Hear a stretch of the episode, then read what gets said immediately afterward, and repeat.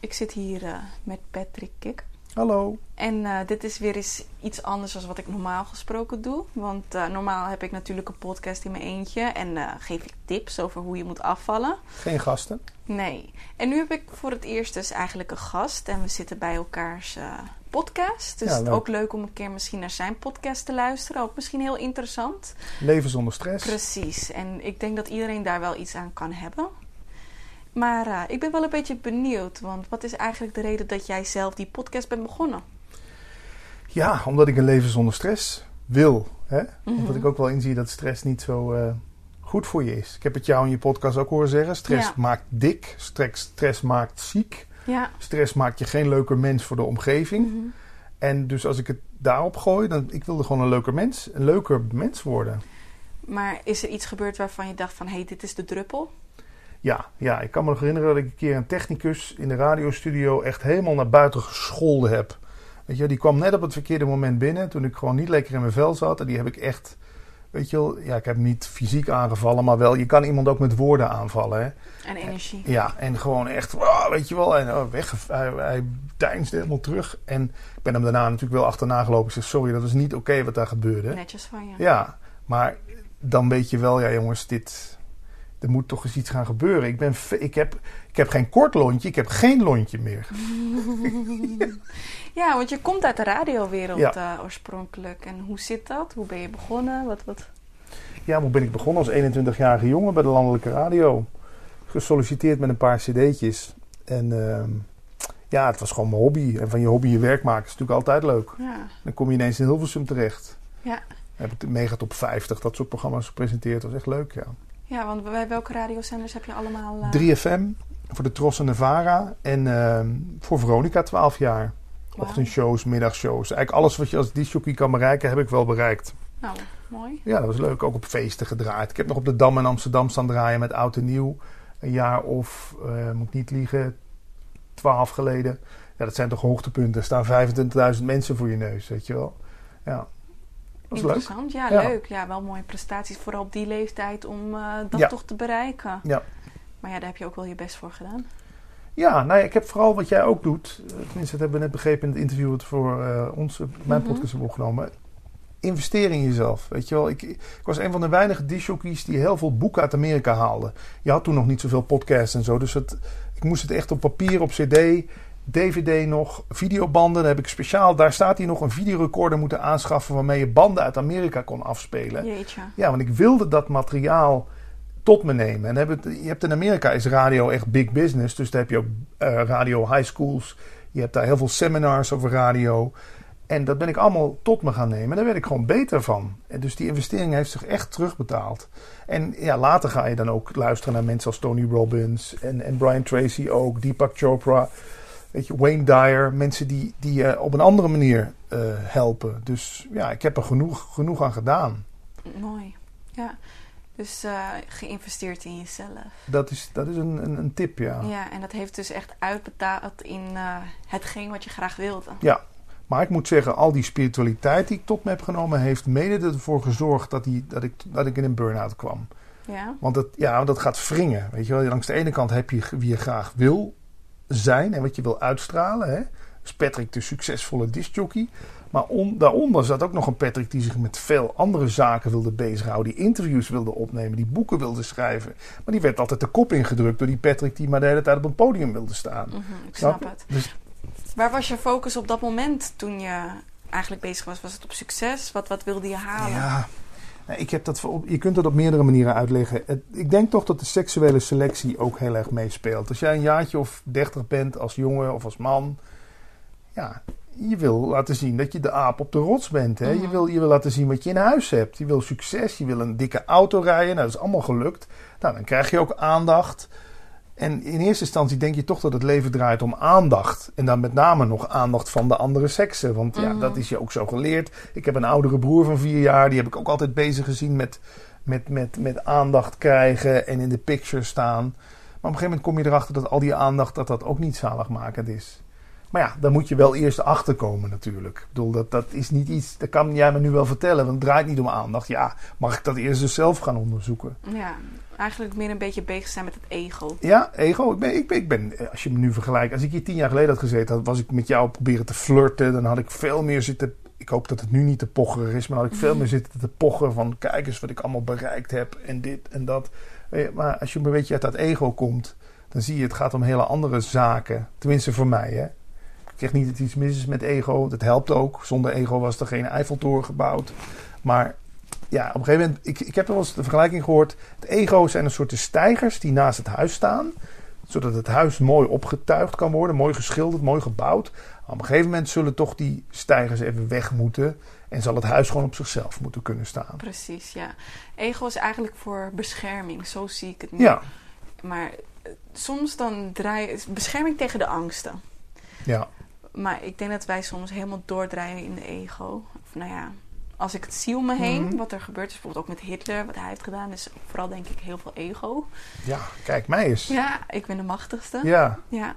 Maar goed, dus verder over je podcast. Want je hebt dus een podcast Leven zonder stress. Ja. Ja, en, en ja, hoe, hoe host je je podcast? Wat, wat, wat, als ik nu naar je podcast ga luisteren voor het eerst, wat kan ik verwachten? ja, dit soort gesprekken. Met mensen die, eh, coaches, die eh, zeggen dit en dit moet je doen om van stress af te komen. Maar ik heb hier ook wel eens met een autist gesproken. Hoe ziet een autistenwereld?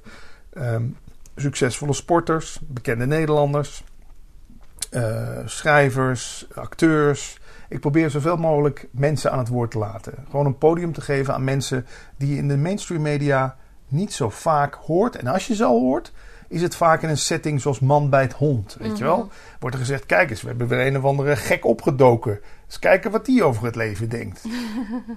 dan, en dan mag zo iemand vijf minuten en dan knippen ze het ook nog zo dat iemand heel raar lijkt. Ja, ja, Terwijl ja. ik, geef een man gewoon of een vrouw een uur lang het podium. Vertel eens, hoe sta jij in het leven? Wat kan ik van jou leren?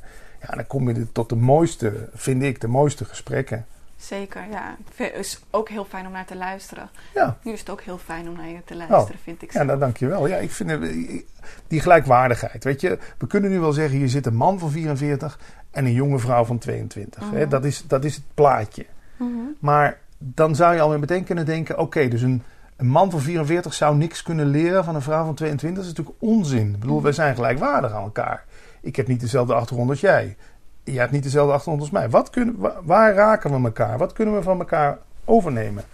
Dus die labeltjes, daar moeten we vanaf. En dat probeer ik met die podcast ook. Gewoon totale gelijkwaardigheid. Of hier iemand van 80 zit, of, eh, of ik zou mijn dochter bijvoorbeeld, dat heb ik nog niet opgenomen, die is 10. Die zou ik ook eens graag in zo'n setting willen Moet je opnemen. zeker doen. Dat Ja. zullen mensen heel leuk vinden, Ja. ik. Want ze zijn gewend naar jou te luisteren. Maar naar de kleinere versie van jou. ja wat, wat heeft zij nu in die tien jaar dat ze op deze bol is? Wat heeft zij nu zo al voor een visie ontwikkeld op dit leven? Ja. Ja, Ja, dat is ook heel. Eigenlijk, kinderen zijn ook heel interessant, want ze zijn heel puur en heel eerlijk. En soms kunnen kinderen, ook volwassene mensen, bewust maken met bepaalde Ja, simpele zeker. dingen die ze zeggen. kleine goeroes hè, Ja. worden ze wel eens genoemd. Ja, Ja. ja, ja, ja. Oké, en wat was tot nu toe jouw meest interessante interview die je ooit via post- podcast hebt gehad? Leuke vraag. Ehm, nou, toch Eckhart Tolle. Ik weet niet of die naam je wat zegt. Het, zeg maar wat, maar ik weet even niet 1, 2, De 3. schrijver van De Kracht van het Nu. Oh, dat ja, Ja. zeker. Dat is een heel mooi boek. Ja, maar die man, dat komt ook omdat ik jarenlang zijn dvd's en cd's geluisterd heb. En als je dan zo iemand ineens tegenover je hebt, ja, dan voelt dat als een soort van afronding ook. Eh, dat vond ik leuk. Maar ik heb bijvoorbeeld Hans Steeuwen, de cabaretier, die heb ik ook gesproken. Dat is ook een soort persoonlijke held voor me. Maar ook een autistische jongen van 32 vond ik ook heel interessant. Ja, je vroeg om echt één specifiek gesprek. Ik heb wel meerdere gesprekken die ik zelf meerdere keren terugluister. Ja. Ja. Merk je ook dat als je naar je eigen gesprekken luistert, want ik merk het soms wel eens als ik bijvoorbeeld mijn eigen oude post op Instagram Mhm. of op eh, podcast ook zelf eh, terugluister, dat ik weer opeens het inzicht krijg wat ik op dat moment had. En dat je dan toch weer een stapje verder komt, ja. terwijl je dat eigenlijk al was Ja. vroeger. Maar je, je wordt weer bewust op een andere manier. Ja, helemaal waar. Ja, het, ik, en het, ook vaak de vibe die een gesprek heeft. Hè. Als er een soort onderliggende rust in zit, daar luister, daarom luister ik ook graag podcasts. Ja, Het is, eh, ma- mainstream media is vaak zo opgefokt. Hè? Zo bam, bam, bam. Maar hallo, mogen we eens even de tijd nemen? ja. Hè? Rust. Eventjes, ja, daarom heet het ook leven zonder stress. Ja. Ja. Want je hebt ook wel een aantal keren over voeding en diëtiek gesproken. Ja. Ook over sport zelfs. Ja, suiker. Heb jij daar zelf persoonlijk ook dingen uit gehaald? Dat je, dat je dacht van, hé, hey, dit Ja. is een inzicht. Het, het zijn vaak dingen die je eigenlijk stiekem allemaal al weet, hè, Mhm. maar die je toch een soort van wegparkeert. Maar ik vond bijvoorbeeld uit jouw podcast en ook gesprek wat ik over suiker gevoerd heb, werd mij geleerd. Let nou eens op wat er allemaal staat aan ozes, fructose, ja, ozen, alles wat Oh, alles met ozen is ook gewoon suiker. Ja, dat wist ik. Ik wist het denk ik niet. Nee.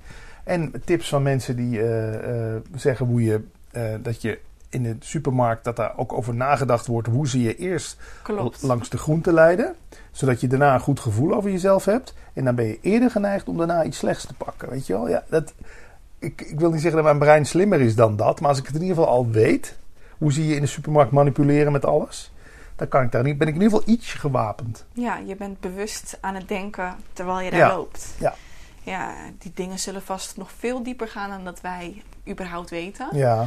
Maar eh, ja, het is inderdaad best lastig hoe je een beetje langs eh, het pad geleid Ja, wordt. alle verleidingen. En ik hoorde het jou ook zeggen in de podcast.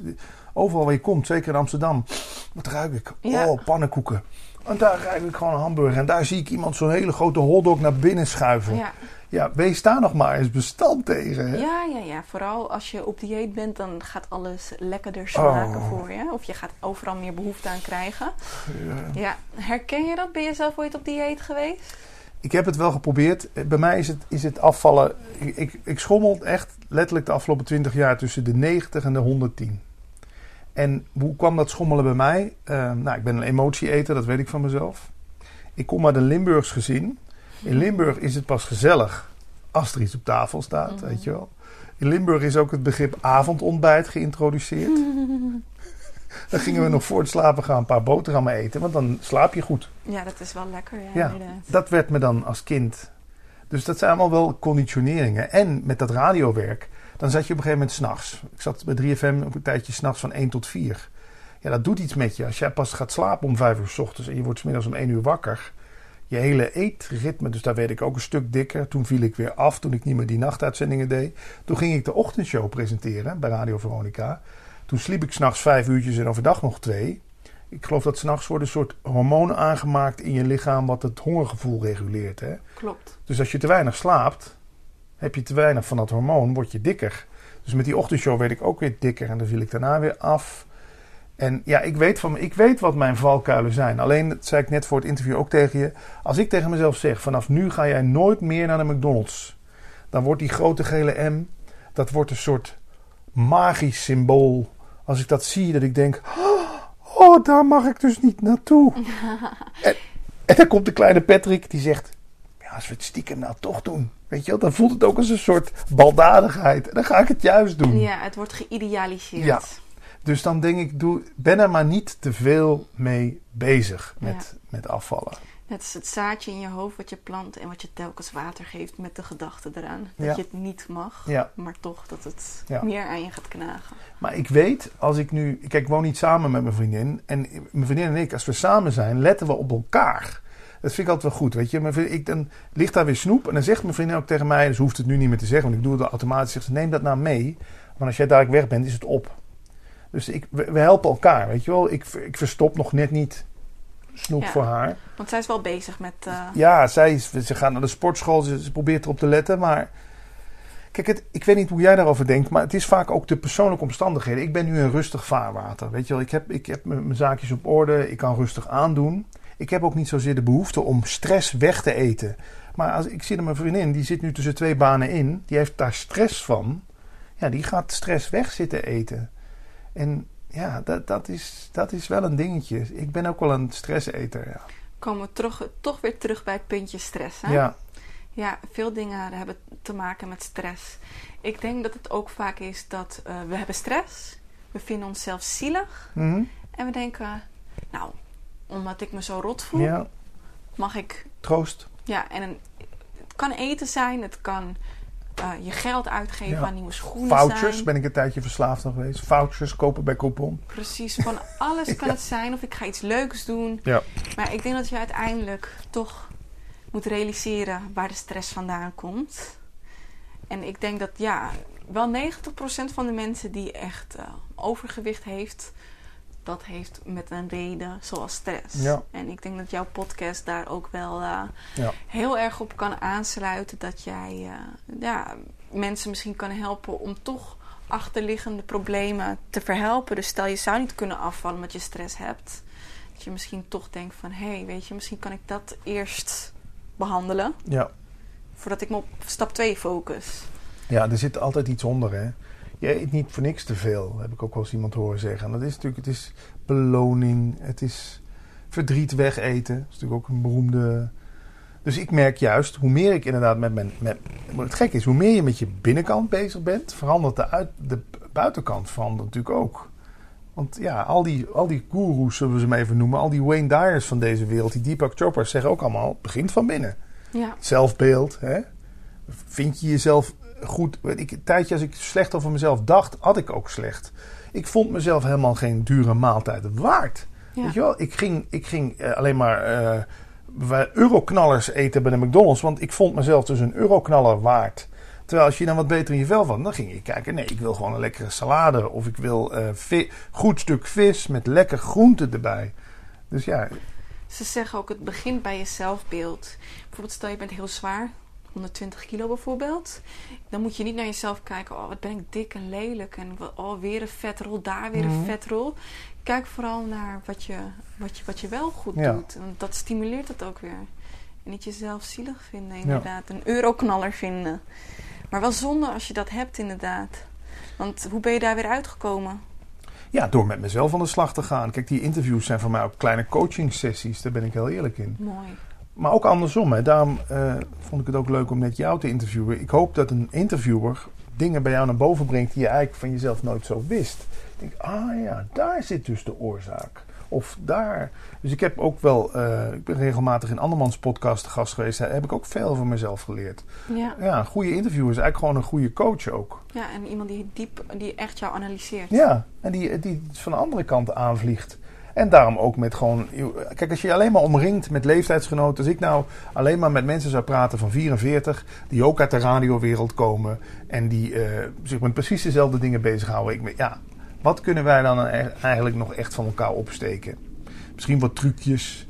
Maar iemand die uit een totaal andere wereld komt. en die is wat adviezen eh, laten zeggen. Nou, dat is mijn advies. Omring je niet met dezelfde bloedgroep. Want dan blijf je ook dezelfde bloedgroep natuurlijk.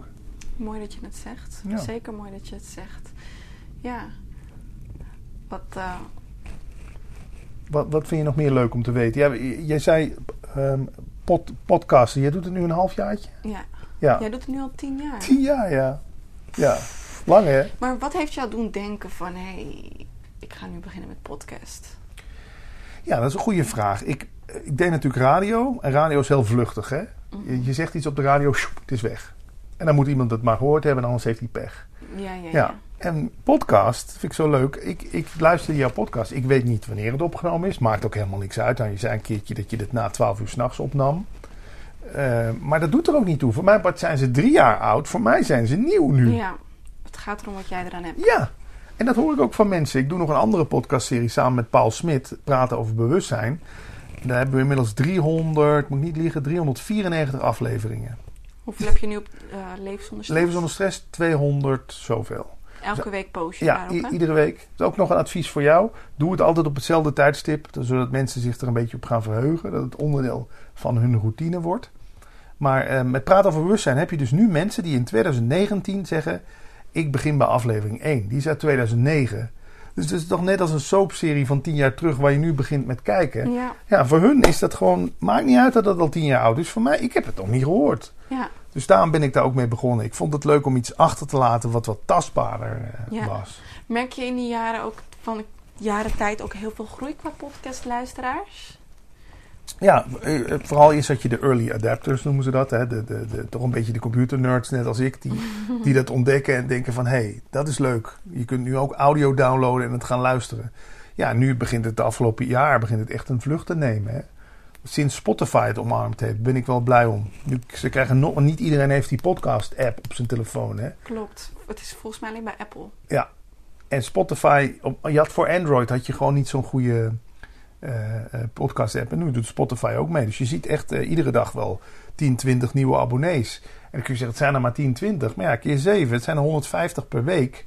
En dat zijn er eh, dik 500 per maand. Dus, ja, en ik ben door die podcast ook, dat is zo leuk om te vertellen. Ik ben, er zijn twee films uit ontstaan, hè?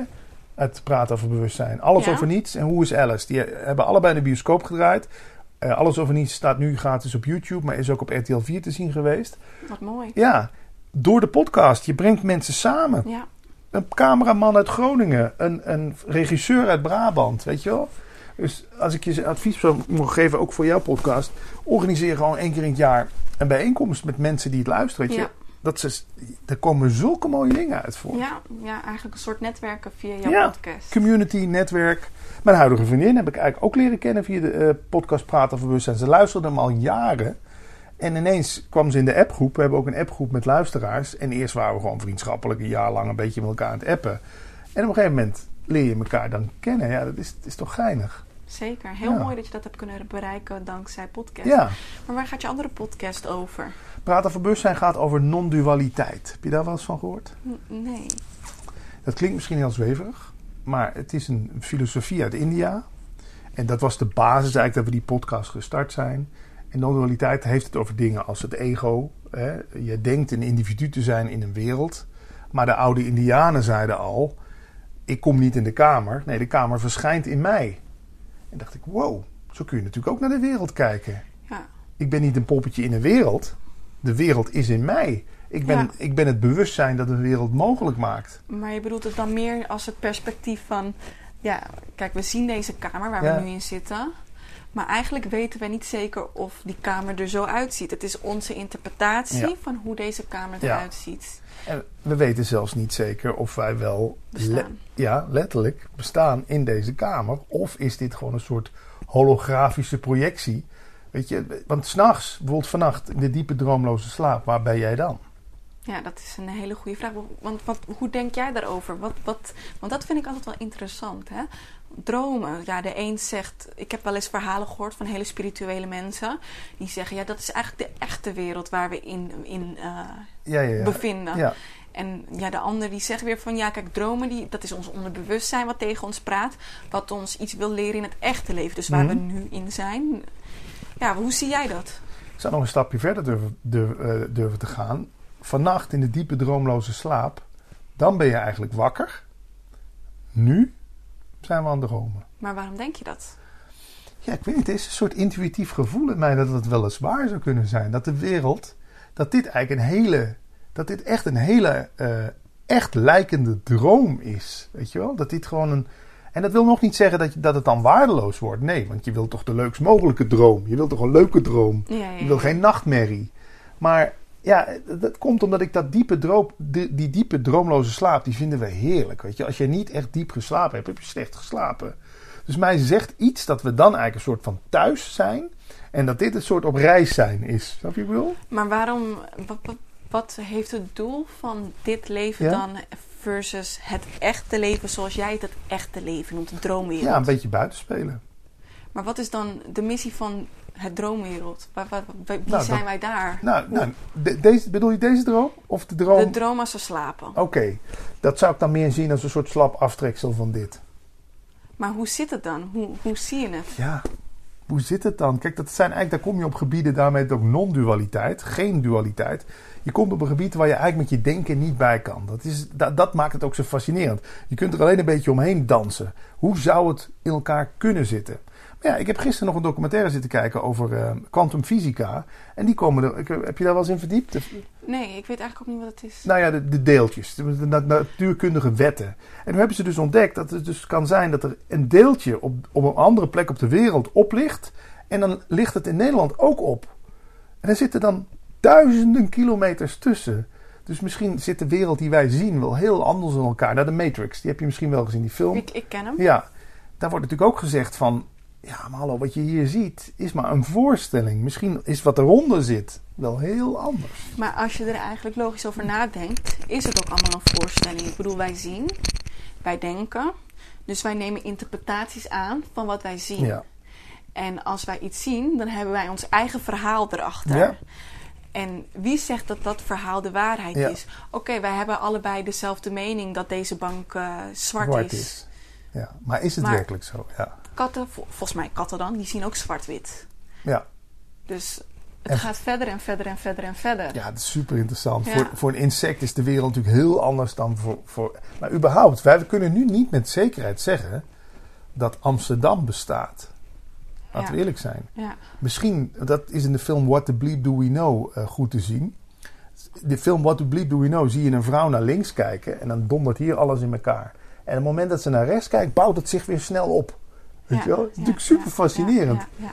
Misschien is er alleen op dit moment dit. Is er alleen deze zolder. We nemen aan dat als we naar beneden gaan, dat er een benedenverdieping is.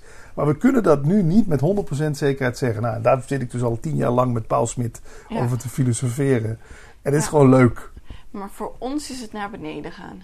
Ja. Ja. Ja. Maar ja, ik ben wel altijd gefascineerd door die dromen. Want ik denk dan van, ja, hoe zit het nou? Wat is jouw, ja, volgens jou is dat de echte wereld? Nou, de diepe droomloze slaap. Dan zijn we wakker. Nu zijn we aan het dromen. Maar waarom, waar, wat heeft het nut van dit leven dan? Waar we nu in bevinden? Ja, heeft het wel nut, hè? Ik heb wel eens iemand horen zeggen: de zin van het leven is dat je er zin in hebt. ik, ik heb daar natuurlijk ook over zitten nadenken. Maar uiteindelijk, laten we eerlijk zijn, eh, Jill. Je komt met niks, je gaat met niks, hè? Ik bedoel, misschien is de zin voor mij op dit moment in het leven is gewoon voor anderen eh, hier zijn. Weet je wel, ik, ik, ik heb heel lang geleefd dat ik dacht, ik moet iets uit die wereld halen. Maar ik ben, ik kom er steeds meer achter, het gaat erom, wat breng je mee naar het feestje? Tuurlijk. En, en het is natuurlijk een aantrekkingskracht dat je dan eigenlijk ook weer iets krijgt. Ja. En niet zozeer van de ander, Maar maar van goed binnen. gevoel, ja. Van binnen. Als ik jou iets geef, hè, of als ik jou naar huis breng, of ik geef jou een kop koffie, of wat dan ook wat jij graag wil. Ja, nee, dat vervult mij ook. Daar ben ik, ben ik wel achter gekomen. Ja, het doel van het leven, ja. Als je het sec gaat bekijken, heeft het natuurlijk geen doel. Want je komt, ja, dan zou voortplanting het doel moeten zijn, zodat er een volgende generatie komt. Nou, ik, ik, het doel voor mij in het leven is toch ook weer mijn thuis vinden, om het maar even heel spiritueel te noemen.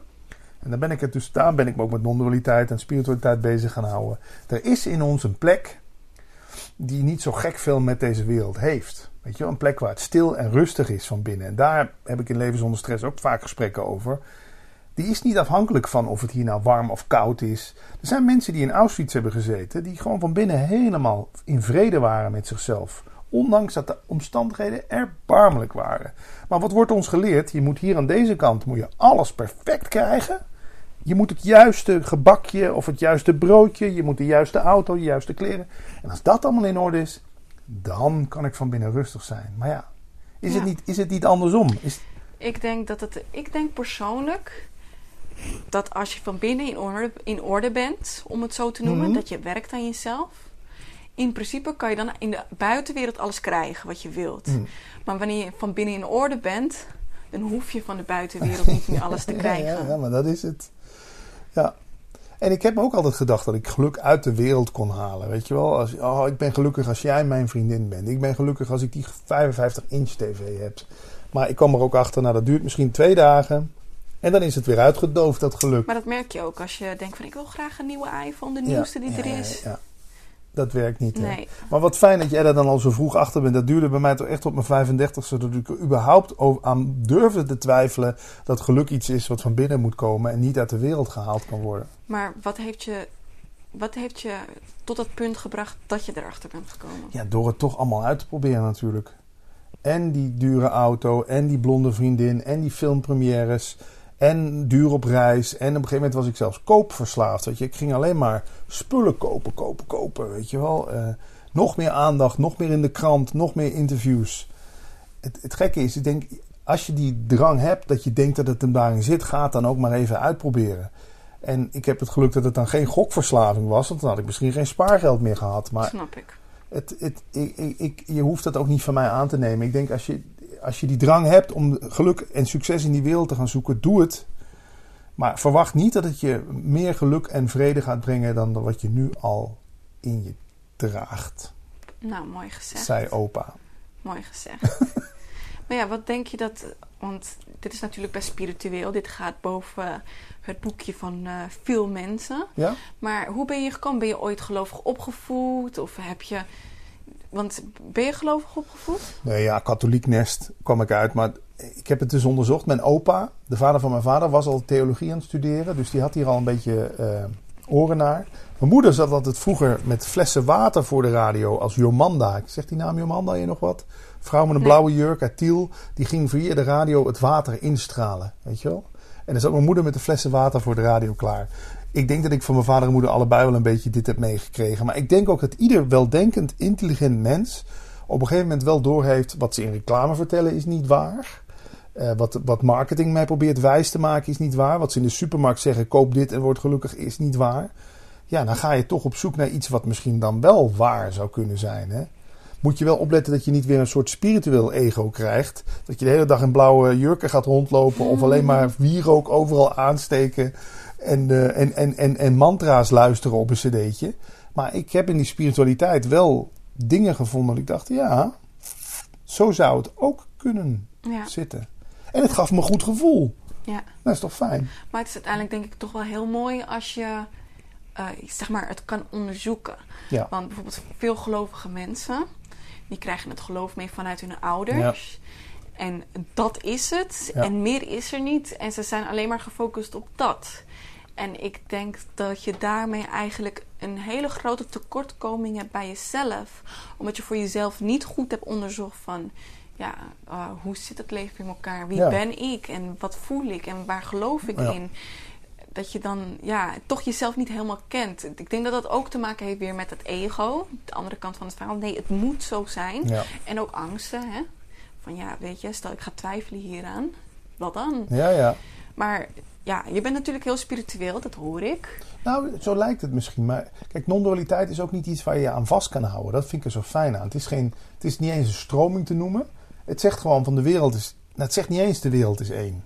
Het wijst naar iets waar je eigenlijk niet over kan praten. En dus ik noem mezelf ook geen non-dualist of zo. Maar dat, daar moet je wel voor opletten. Dat kan.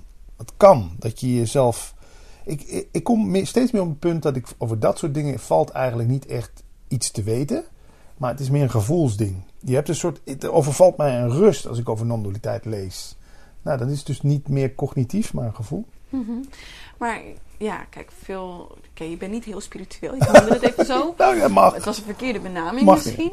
Maar ehm, je bent bezig met spiritualiteit. Het heeft je geholpen. Ja. Het heeft je een sterke persoon Ja. gemaakt. eh, wat ik tot nu toe heb begrepen. Maar stel je voor, je luistert nu naar deze podcast. Ja. En je bent bezig met afvallen. Wat, wat kan spiritualiteit jou brengen? Veel. Rust. Kijk, ook eten is een vorm van dat je denkt: ik stop geluk in mijn mond. Hè? Ik, ik, maar ik heb me wel eens een man laten uitleggen: het is niet zozeer ehm, het eten wat jou rust en geluk brengt. Het is het gevoel, de gedachte dat je iets nodig hebt die even wegvalt. Het verlangen valt even weg. Daardoor word je gelukkig. Dus ga aan de slag met dat verlangen, weet je wel?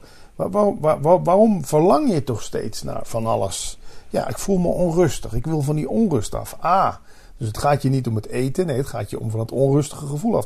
Waarom is dat onrustige gevoel er? Er zit iets, er wil iets gehoord, gevoeld worden, weet je wel? Er zit, ik noem het wel eens van die ballen onder water die zo oploppen. Hè? Kijk, je kan wel de hele tijd bezig zijn met die ballen onder water te houden. En dat je mond maar vol te stoppen. Nee, nee, nee. Maar ploep, nou laat zo'n bal opkomen. Wat, wat is er nou zo eng aan? Oh nee, vroeger heeft mijn vader me geslagen. Er komt zo'n gevoel komt op, hè? Ja, dat kan ik wel mijn hele leven gaan zitten wegeten. Ik wil niet zeggen dat dat de enige oorzaak is hoor. Maar voor mij is, is wel dat altijd een oorzaak geweest. Eh, verdoving. Eten was verdoving. Nou, dan heb ik liever spiritualiteit als verdoving. Ik durf te zeggen, ik denk als ik op die tour was doorgegaan, dan was ik misschien nog wel 130 kilo. Weet je, voor mij is spiritualiteit is voeding. Ja. Zo kun je het eigenlijk wel zeggen. Ja, ja, maar eigenlijk is spiritualiteit ook een beetje bewust worden van jezelf. ja en, je, en even dat lijf. We zijn ook zo met onze aandacht naar buiten toe. Hè? En als ik de hele tijd met mijn aandacht naar buiten toe ben, dan zie ik ook overal. Ik, soms vergeet ik zelfs eh, dat ik iets lekkers in huis heb. Weet je wel? Dat vind ik goed. Want als ik daar alleen maar met mijn aandacht naar buiten toe gericht ben. Oh ja, daar ligt nog een snicker. Ja, Hier liggen nog koekjes. Ja, dus ga met je aandacht naar binnen. ja, Want er, van binnen gebeurt ook zoveel. Hè? ja. ja kijk waar het probleem zit. Ja, of, of ga eens voelen. En, en wat ik bij jou ook hoorde, dat vind ik echt een toptip. En dat heb ik zelf ook eens geprobeerd. Dan heb je dus chocola. Maar probeer eens, pak eens één klein stukje chocola. En stop dat echt eens bewust, hè, dat noemen ze dan mindfulness, in je mond. Nou, dat is een sensatie. Als je helemaal met je aandacht bij zo'n stukje chocola zit. Terwijl ik zit Netflix te kijken. Zo'n reep, die is zo voor de helft op. Ik heb er nog niks van geproefd. Dus als je dan toch hè, wil kiezen voor, voor iets, iets. Maar dat hoeft niet eens chocolade. Dat kan natuurlijk ook gewoon een hapje van een paprika zijn. Dat kan een sensatie in je mond teweeg brengen. Een slok water heb ik eens een keer gehad. Dat ik helemaal met mijn aandacht bij dat water zat. Nou, ik, ik begon helemaal te glunderen. Eigenlijk bewust denken met wat je doet. Realiseer de situatie waarin je bevindt en wat Ja. je actie is. En analyseer het. Ja, en ga daar, ga daar met je aandacht naar die, naar die zintuigen. Ik bedoel, daarom, jij bent ook niet de type die iedere, iedere week op een housefeest staat. Maar ik kan soms al van, van, van een, een klein stukje muziek op televisie of zo helemaal blij worden. Maar hoe komt het? Ik, ik, ik neem het tot me. Hè? Ik zit niet in de tussentijd ook nog te appen. En eh, daar staat een pannetje op het vuur. En eh, daar komt iemand binnenrennen. Dus ja, ik vind in mindfulness, dat is gelukkig helemaal niet zweverig. Daar zit heel veel in. Doe je die afwas, voel eens dat water, jongen. Dat is een sensatie. Heet water. Een bord. Ja, maar ja, eigenlijk als kind waren we ook zo. Hè? Als kind kon je toch gewoon een grasprietje. Kon je helemaal Analyseren. wat is dat? Oh, daar loopt een kevertje. Ja, ik, ik denk dat we worden zoveel afgeleid door die drukke maatschappij waar we in zitten. Dat we verliezen gewoon het oog voor de echt, de, de dingen die voor onze neus liggen, die zo super interessant zijn. Ja, ik zou, dat, dat zou een advies kunnen zijn. En dan ben je ook veel minder bezig met eten en heb je ook veel minder nodig. Ja, leef. Ja, Leef zoals het leven is. Word niet geleefd, maar leef. Ja. En leef bewust. bewust. En neem die hap. En dan, weet je ook, zei iets van 75 keer kauwen of zo, zei je in je podcast, Ja, zijn Turkse vriendin. Ja, hou het, hou het eens inderdaad in je mond in plaats van dat je het allemaal maar zit door te slikken. Ja. Ja, ik denk dat het ook een beetje is van eh, de situaties die ze voorspelen. Eh, mensen denken dat bijvoorbeeld spiritualiteit, dat het inderdaad iets heel zweverigs Mhm. is, waar ze helemaal nooit eh, ja, iets over gegoogeld hebben, over gelezen hebben, iets gezien hebben.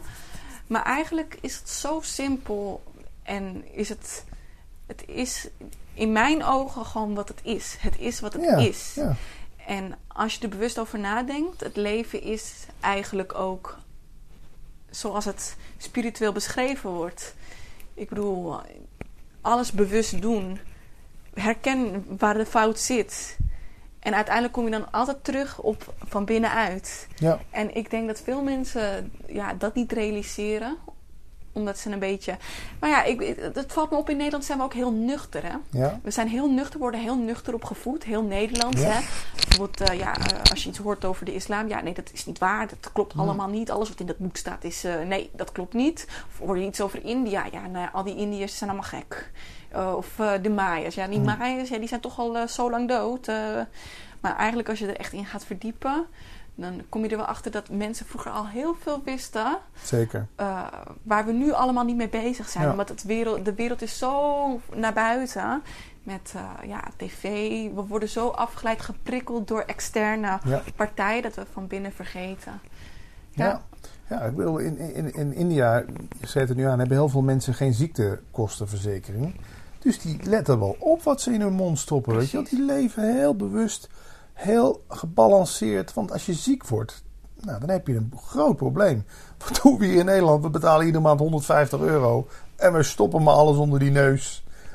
Even plat gezegd. En maar resultaatgericht. Ja. En maar ik moet ook zo'n dure auto als de buurman hebben.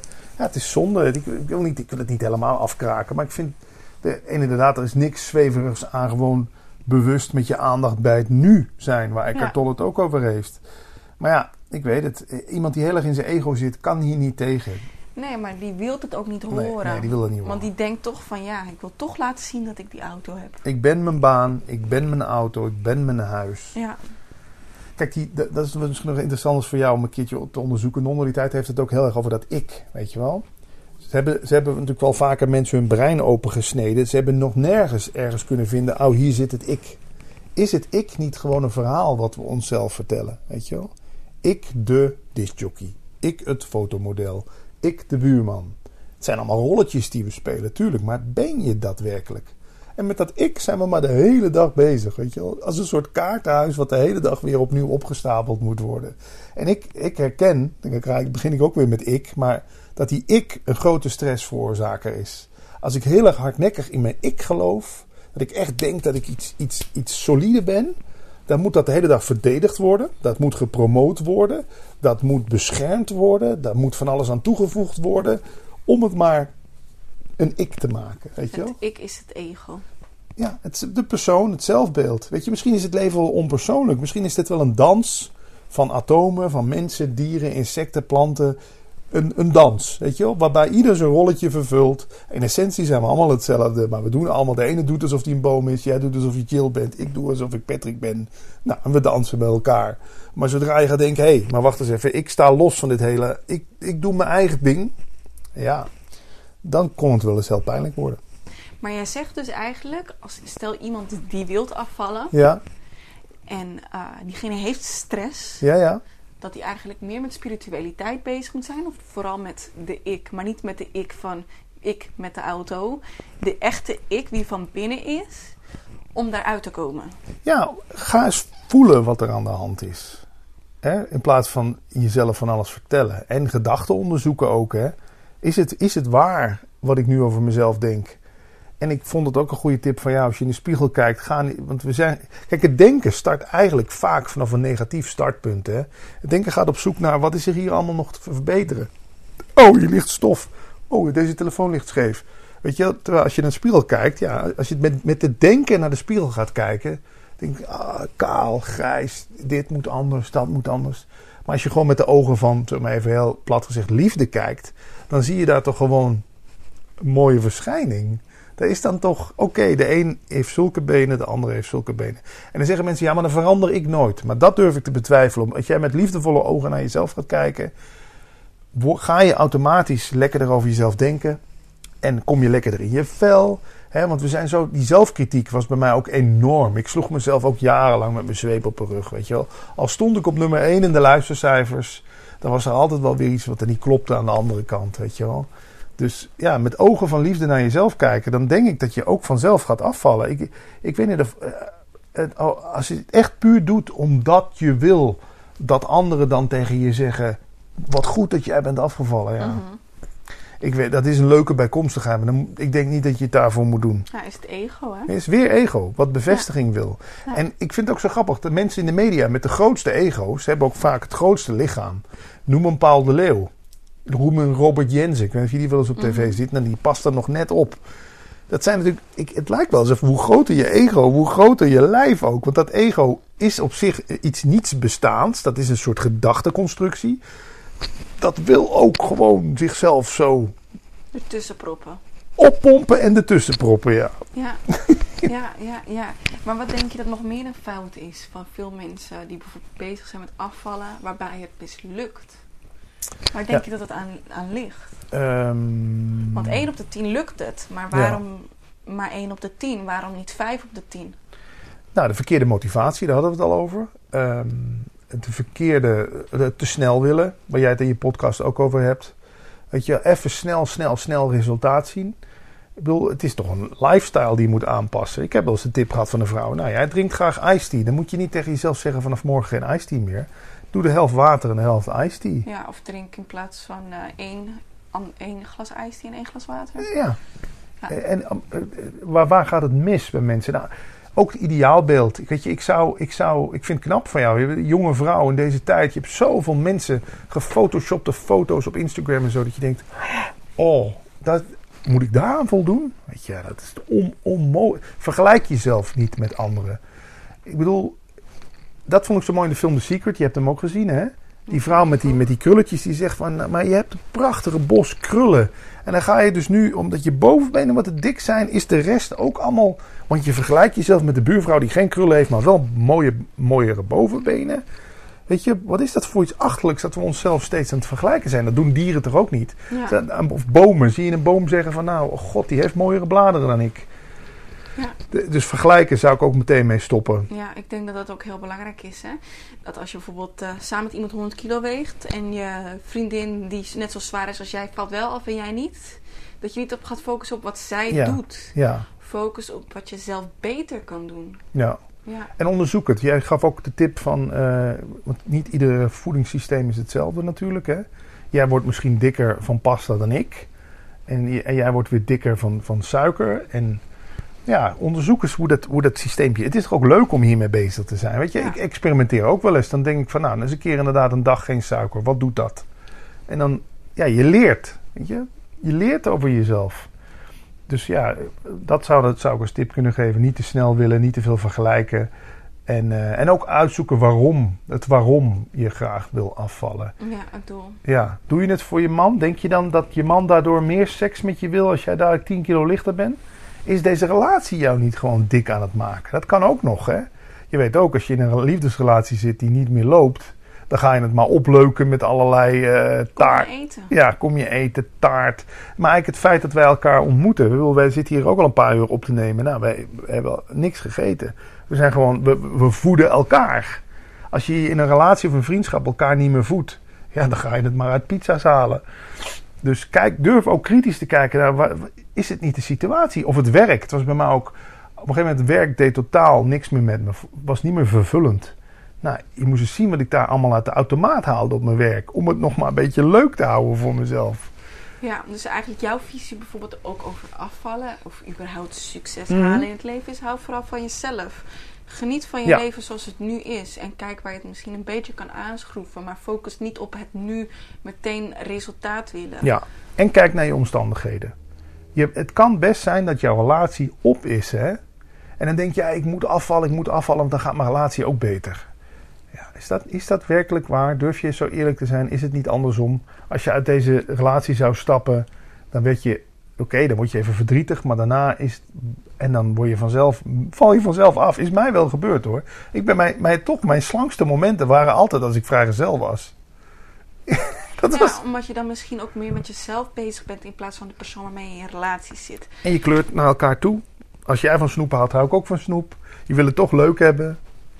Ja, het is best knap. Maar ik denk dat veel mensen misschien ook dikker worden door een slechte relatie, omdat ze er niet uit durven te Ja, stappen. ja, ja dan ga je jezelf maar eh, daarmee troosten. Ja. Je, je krijgt niet meer die voldoening van je partner. Dan maar binge-watchen en M&M's eten de hele dag. Maar wat vind je daarvan? Wat, wat, wat, wat moeten die mensen doen? Want eerlijk is eerlijk, het is ook hartstikke moeilijk om uit een relatie Ja. te gaan, als het ware. Ik weet het. Maar ehm, ja, wat zou mijn advies zijn?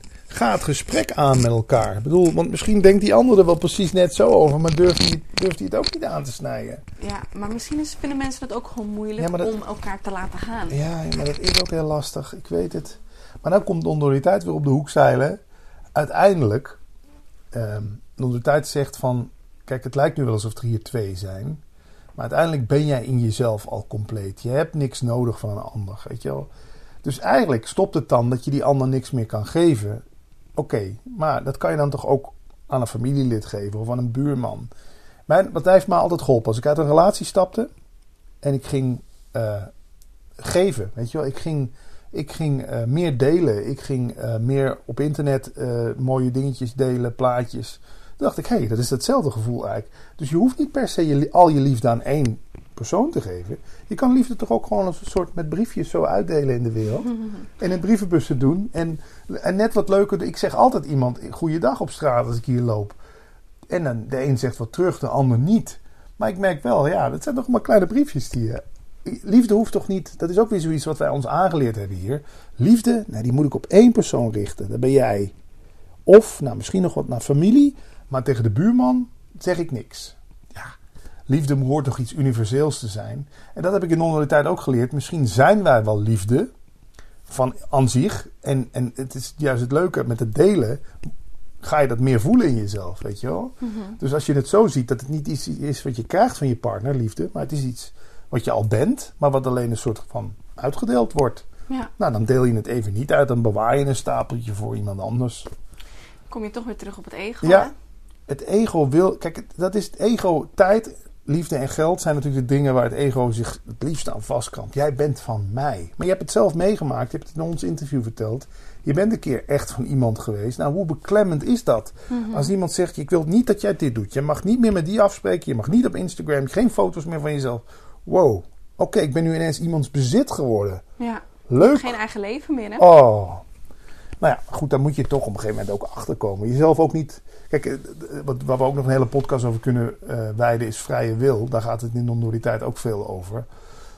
Uiteindelijk, de dingen die allemaal gebeurd zijn, die gebeurden gewoon. Jezelf ook niet op je, op je kont of op je rug slaan met een zweep dat het allemaal gebeurd is. Want het is gebeurd, je hebt er iets van geleerd. Ja, het gebeurt vaak ook voordat je het zelf doorhebt. Ja, dan gebeurt het al. Dan denk je, oh, waar zitten we nu in? Mijn vriendin werkt in de gesloten jeugdzorg. Die heeft te maken met meisjes die met loverboys in contact zijn gekomen. Heftig? Ja, super heftig. Maar dan zie je ook het, het, wat zij doet met die meiden. Ze probeert eerst die zelfbeschuldiging bij die meiden weg te halen. Weet je, want dat is al zo. Die, die zijn zo kwaad op zichzelf. Hoe heb ik dit laten gebeuren? Hoe is dat allemaal zover kunnen komen? Maar ja, als je gaat kijken wat voor een gezin die opgegroeid zijn, met wat voor mensen ze in contact zijn gekomen, broers, zussen, familie. Stop met die zelfbeschuldiging. Daar, daar, dat is punt één. Niet jezelf waar dan ook de schuld van geven. Echt niet. Ja, wel heel zielig eigenlijk, hè? Want eigenlijk is het tekortkomen naar jezelf toe. Denk ik dat ze daarin belanden. Dat Ja. ze niet genoeg van hunzelf hebben gehouden om Dat de, fout al, de foute kant al eerder in te zien. Ja. Maar ja, zijn, hoe zijn ze opgegroeid? Is hun geleerd dat ze oké zijn? Of zijn ze van jongs af aan door vaders en moeders ook een beetje verwaarloosd? Ja. Ik ik wil niet zeggen dat iedereen. Het heeft ook met aanleg te maken. Maar ik ben wel heel erg van. Ik kan zelfs medelijden hebben met mensen die een aanslag plegen. Daar kan ik medelijden mee hebben. Ja, het, ik, ik had het er laatst toevallig ook met mijn moeder over. Ik zei van ja, weet je, het is eigenlijk onmenselijk om zoiets te doen. Dus er moet wel iets gebeurd zijn om zover te komen. Want ik denk niet dat wij geboren worden en denken van ik ga later een aanslag Nee, plegen en honderden mensen vermoorden. Want daar ben ik hier voor. Ja. Wat is er gebeurd met je? Dat je, zo, dat je zo gek in je kop wordt dat je denkt in, in, in een tram in een metro mensen te gaan neerschieten. Dat, ja, en, en, maar wat doen we vaak met die mensen? Wegstoppen, uit Ja. het zicht. Uitschelden. Ja, doen we niks meer mee. Nee, dat zijn misschien de mensen die het hardst roepen: Geholpen. heb mij lief, help me. Ja, ja het, het is toch het, ik denk dat het aan de ene kant misschien ook wel het ego is dat mensen dat soort dingen doen. Omdat ze denken misschien van, Kan als toch? ik dit doe, Dan word ik een soort van held. ja, Ja. ja, 101 motivaties. ja, Maar onderzoek het dus bij jezelf. Wat zijn je drijfveren? Ja. Hè? ja. En wat houdt je vooral tegen? Om Ja. van jezelf te houden Ja. en te doen wat je leuk vindt en wat je wil. Ja. Want ik, ik, kijk, ik ben best spiritueel ook. En ik heb een vriendin die schrijft bijvoorbeeld een boek. Hè? Angelique heet ze. Maar ze, ze is bezig met een boek te schrijven. What, what you seek, seeks you. Geloof je daar ook in? Dat alle, wat jij eigenlijk wil in het leven. Of wat jouw doelen zijn in het leven. De, het universum wil je daar eigenlijk ook hebben. Want uiteindelijk, de pad die je moet bewandelen is toch iets positiefs. Mhm. Je gaat vallen Mhm. maar waardoor je leert. En uiteindelijk, de plek waar je komt, is toch dat je mensen geeft. Dat is het. Je bent een instrument, hè. En ik, mensen vragen me mij, waarom ben je nu niet meer op de radio? Dan zeg ik, ik was ergens anders nodig. Ja, Ik was blijkbaar nu nodig in de rol podcaster en interviewer. En, en nu dat boek wat er komt van Leven zonder stress. En, en als je zo naar het leven kijkt, het leven, het is, laten we zeggen, het leven is de grote regisseur, de grote dirigent. En dat plaatst jou op plekken waar je nodig bent. En je, als je een beetje intuïtief bent, een beetje gevoelig, dan voel je toch ook wel vaak aan of dingen kloppen. Je zit naast iemand en ineens begint daar een leuk gesprek. Of er komt aantrekkingskracht, of je hebt dezelfde interesses en er komt iets op gang. En dan weet je, ik ben nu op de goede plek. ja, Ja, je kent ook het gevoel als je ergens op een plek bent, wat ik op het laatst op mijn werk had. Ik denk, ja, ik ben hier gewoon niet meer op mijn plek. Ik ga hier met hangende pootjes naar binnen. Ik heb met iedereen ruzie. Mensen kijken me raar aan. Ik heb het over totaal andere dingen. Mensen denken dat ik. Iemand zag een boek van Eckhart Tolle liggen. Patrick houdt zich bezig met spoken. Weet je wel? Het gaat over het meest simpele of er is het nu. Maar mensen willen zich dan ook niet erin verdiepen. Die willen over de voetbalwedstrijd van gisteren praten. Prima, ik heb daar geen oordeel over. Maar het past, het past niet meer bij mij. ja, ik denk dat het wel eigenlijk misschien een beetje een gezonde verhouding moet zijn van oppervlakkige dingen en diepgaande dingen. Want Ja. eerlijk is eerlijk, het leven is eigenlijk ook heel oppervlakkig. Is zo. Je, moet, je kan ook doorslaan in de andere kant. Weet je, tuurlijk, ik kijk ook met mijn vriendin Temptation Island. En dan zitten we gewoon te genieten van dat er geen reet gebeurt. En dat er mensen zogenaamd vreemd gaan en kwaad zijn op elkaar. En kijk, het drama van het leven, dat houdt het ook een beetje leuk hier. Hè? Als jij een Ja. film kijkt, wil je ook dat er wat gebeurt. Ja, Alleen kun je inzien dat het allemaal maar een soort van toneelspel is. We nemen het leven misschien ook gewoon veel te serieus. ja. Weet je, zie het gewoon als een spel. Geniet gewoon vooral. Maar wel op een goede manier. Ja, En weet waarvan je geniet. Geniet van het moment dat je bijvoorbeeld, ja, net als bijvoorbeeld wat ik, waar ik het over heb in mijn podcast, als je aan het afvallen bent. Geniet van het proces wat je bewandelt. Geniet van het pad wat je bewandelt Ja. in je leven. En wat je onderweg tegenkomt. Ook de negatieve dingen. Geniet ervan Ja, dat je ervan genoten hebt toen het positief was. ja, En leer ervan. Geniet van de les die je leert. ja. En word daar ook sterker van. Het is net als een vakantie. Hè? Je hebt mensen die, die vanaf het moment dat ze op internet gaan kijken van vakantie, genieten ze al. Maar je hebt mensen die genieten pas. Nee, ik kan pas genieten op het moment dat ik op het, op, in het hotel ben, in het appartement en op het balkon zit. Dan begint pas de vakantie. Ja, maar dat is toch onzin? Alles daarvoor. Ja, Kijken, de reis. Ja, dat is inderdaad. Denk ook niet dat als je afgevallen bent, dan ben ik gelukkig. Want dan, dat is toch juist je punt. Je, ben, je, je bent nu ongelukkig omdat je te dik bent.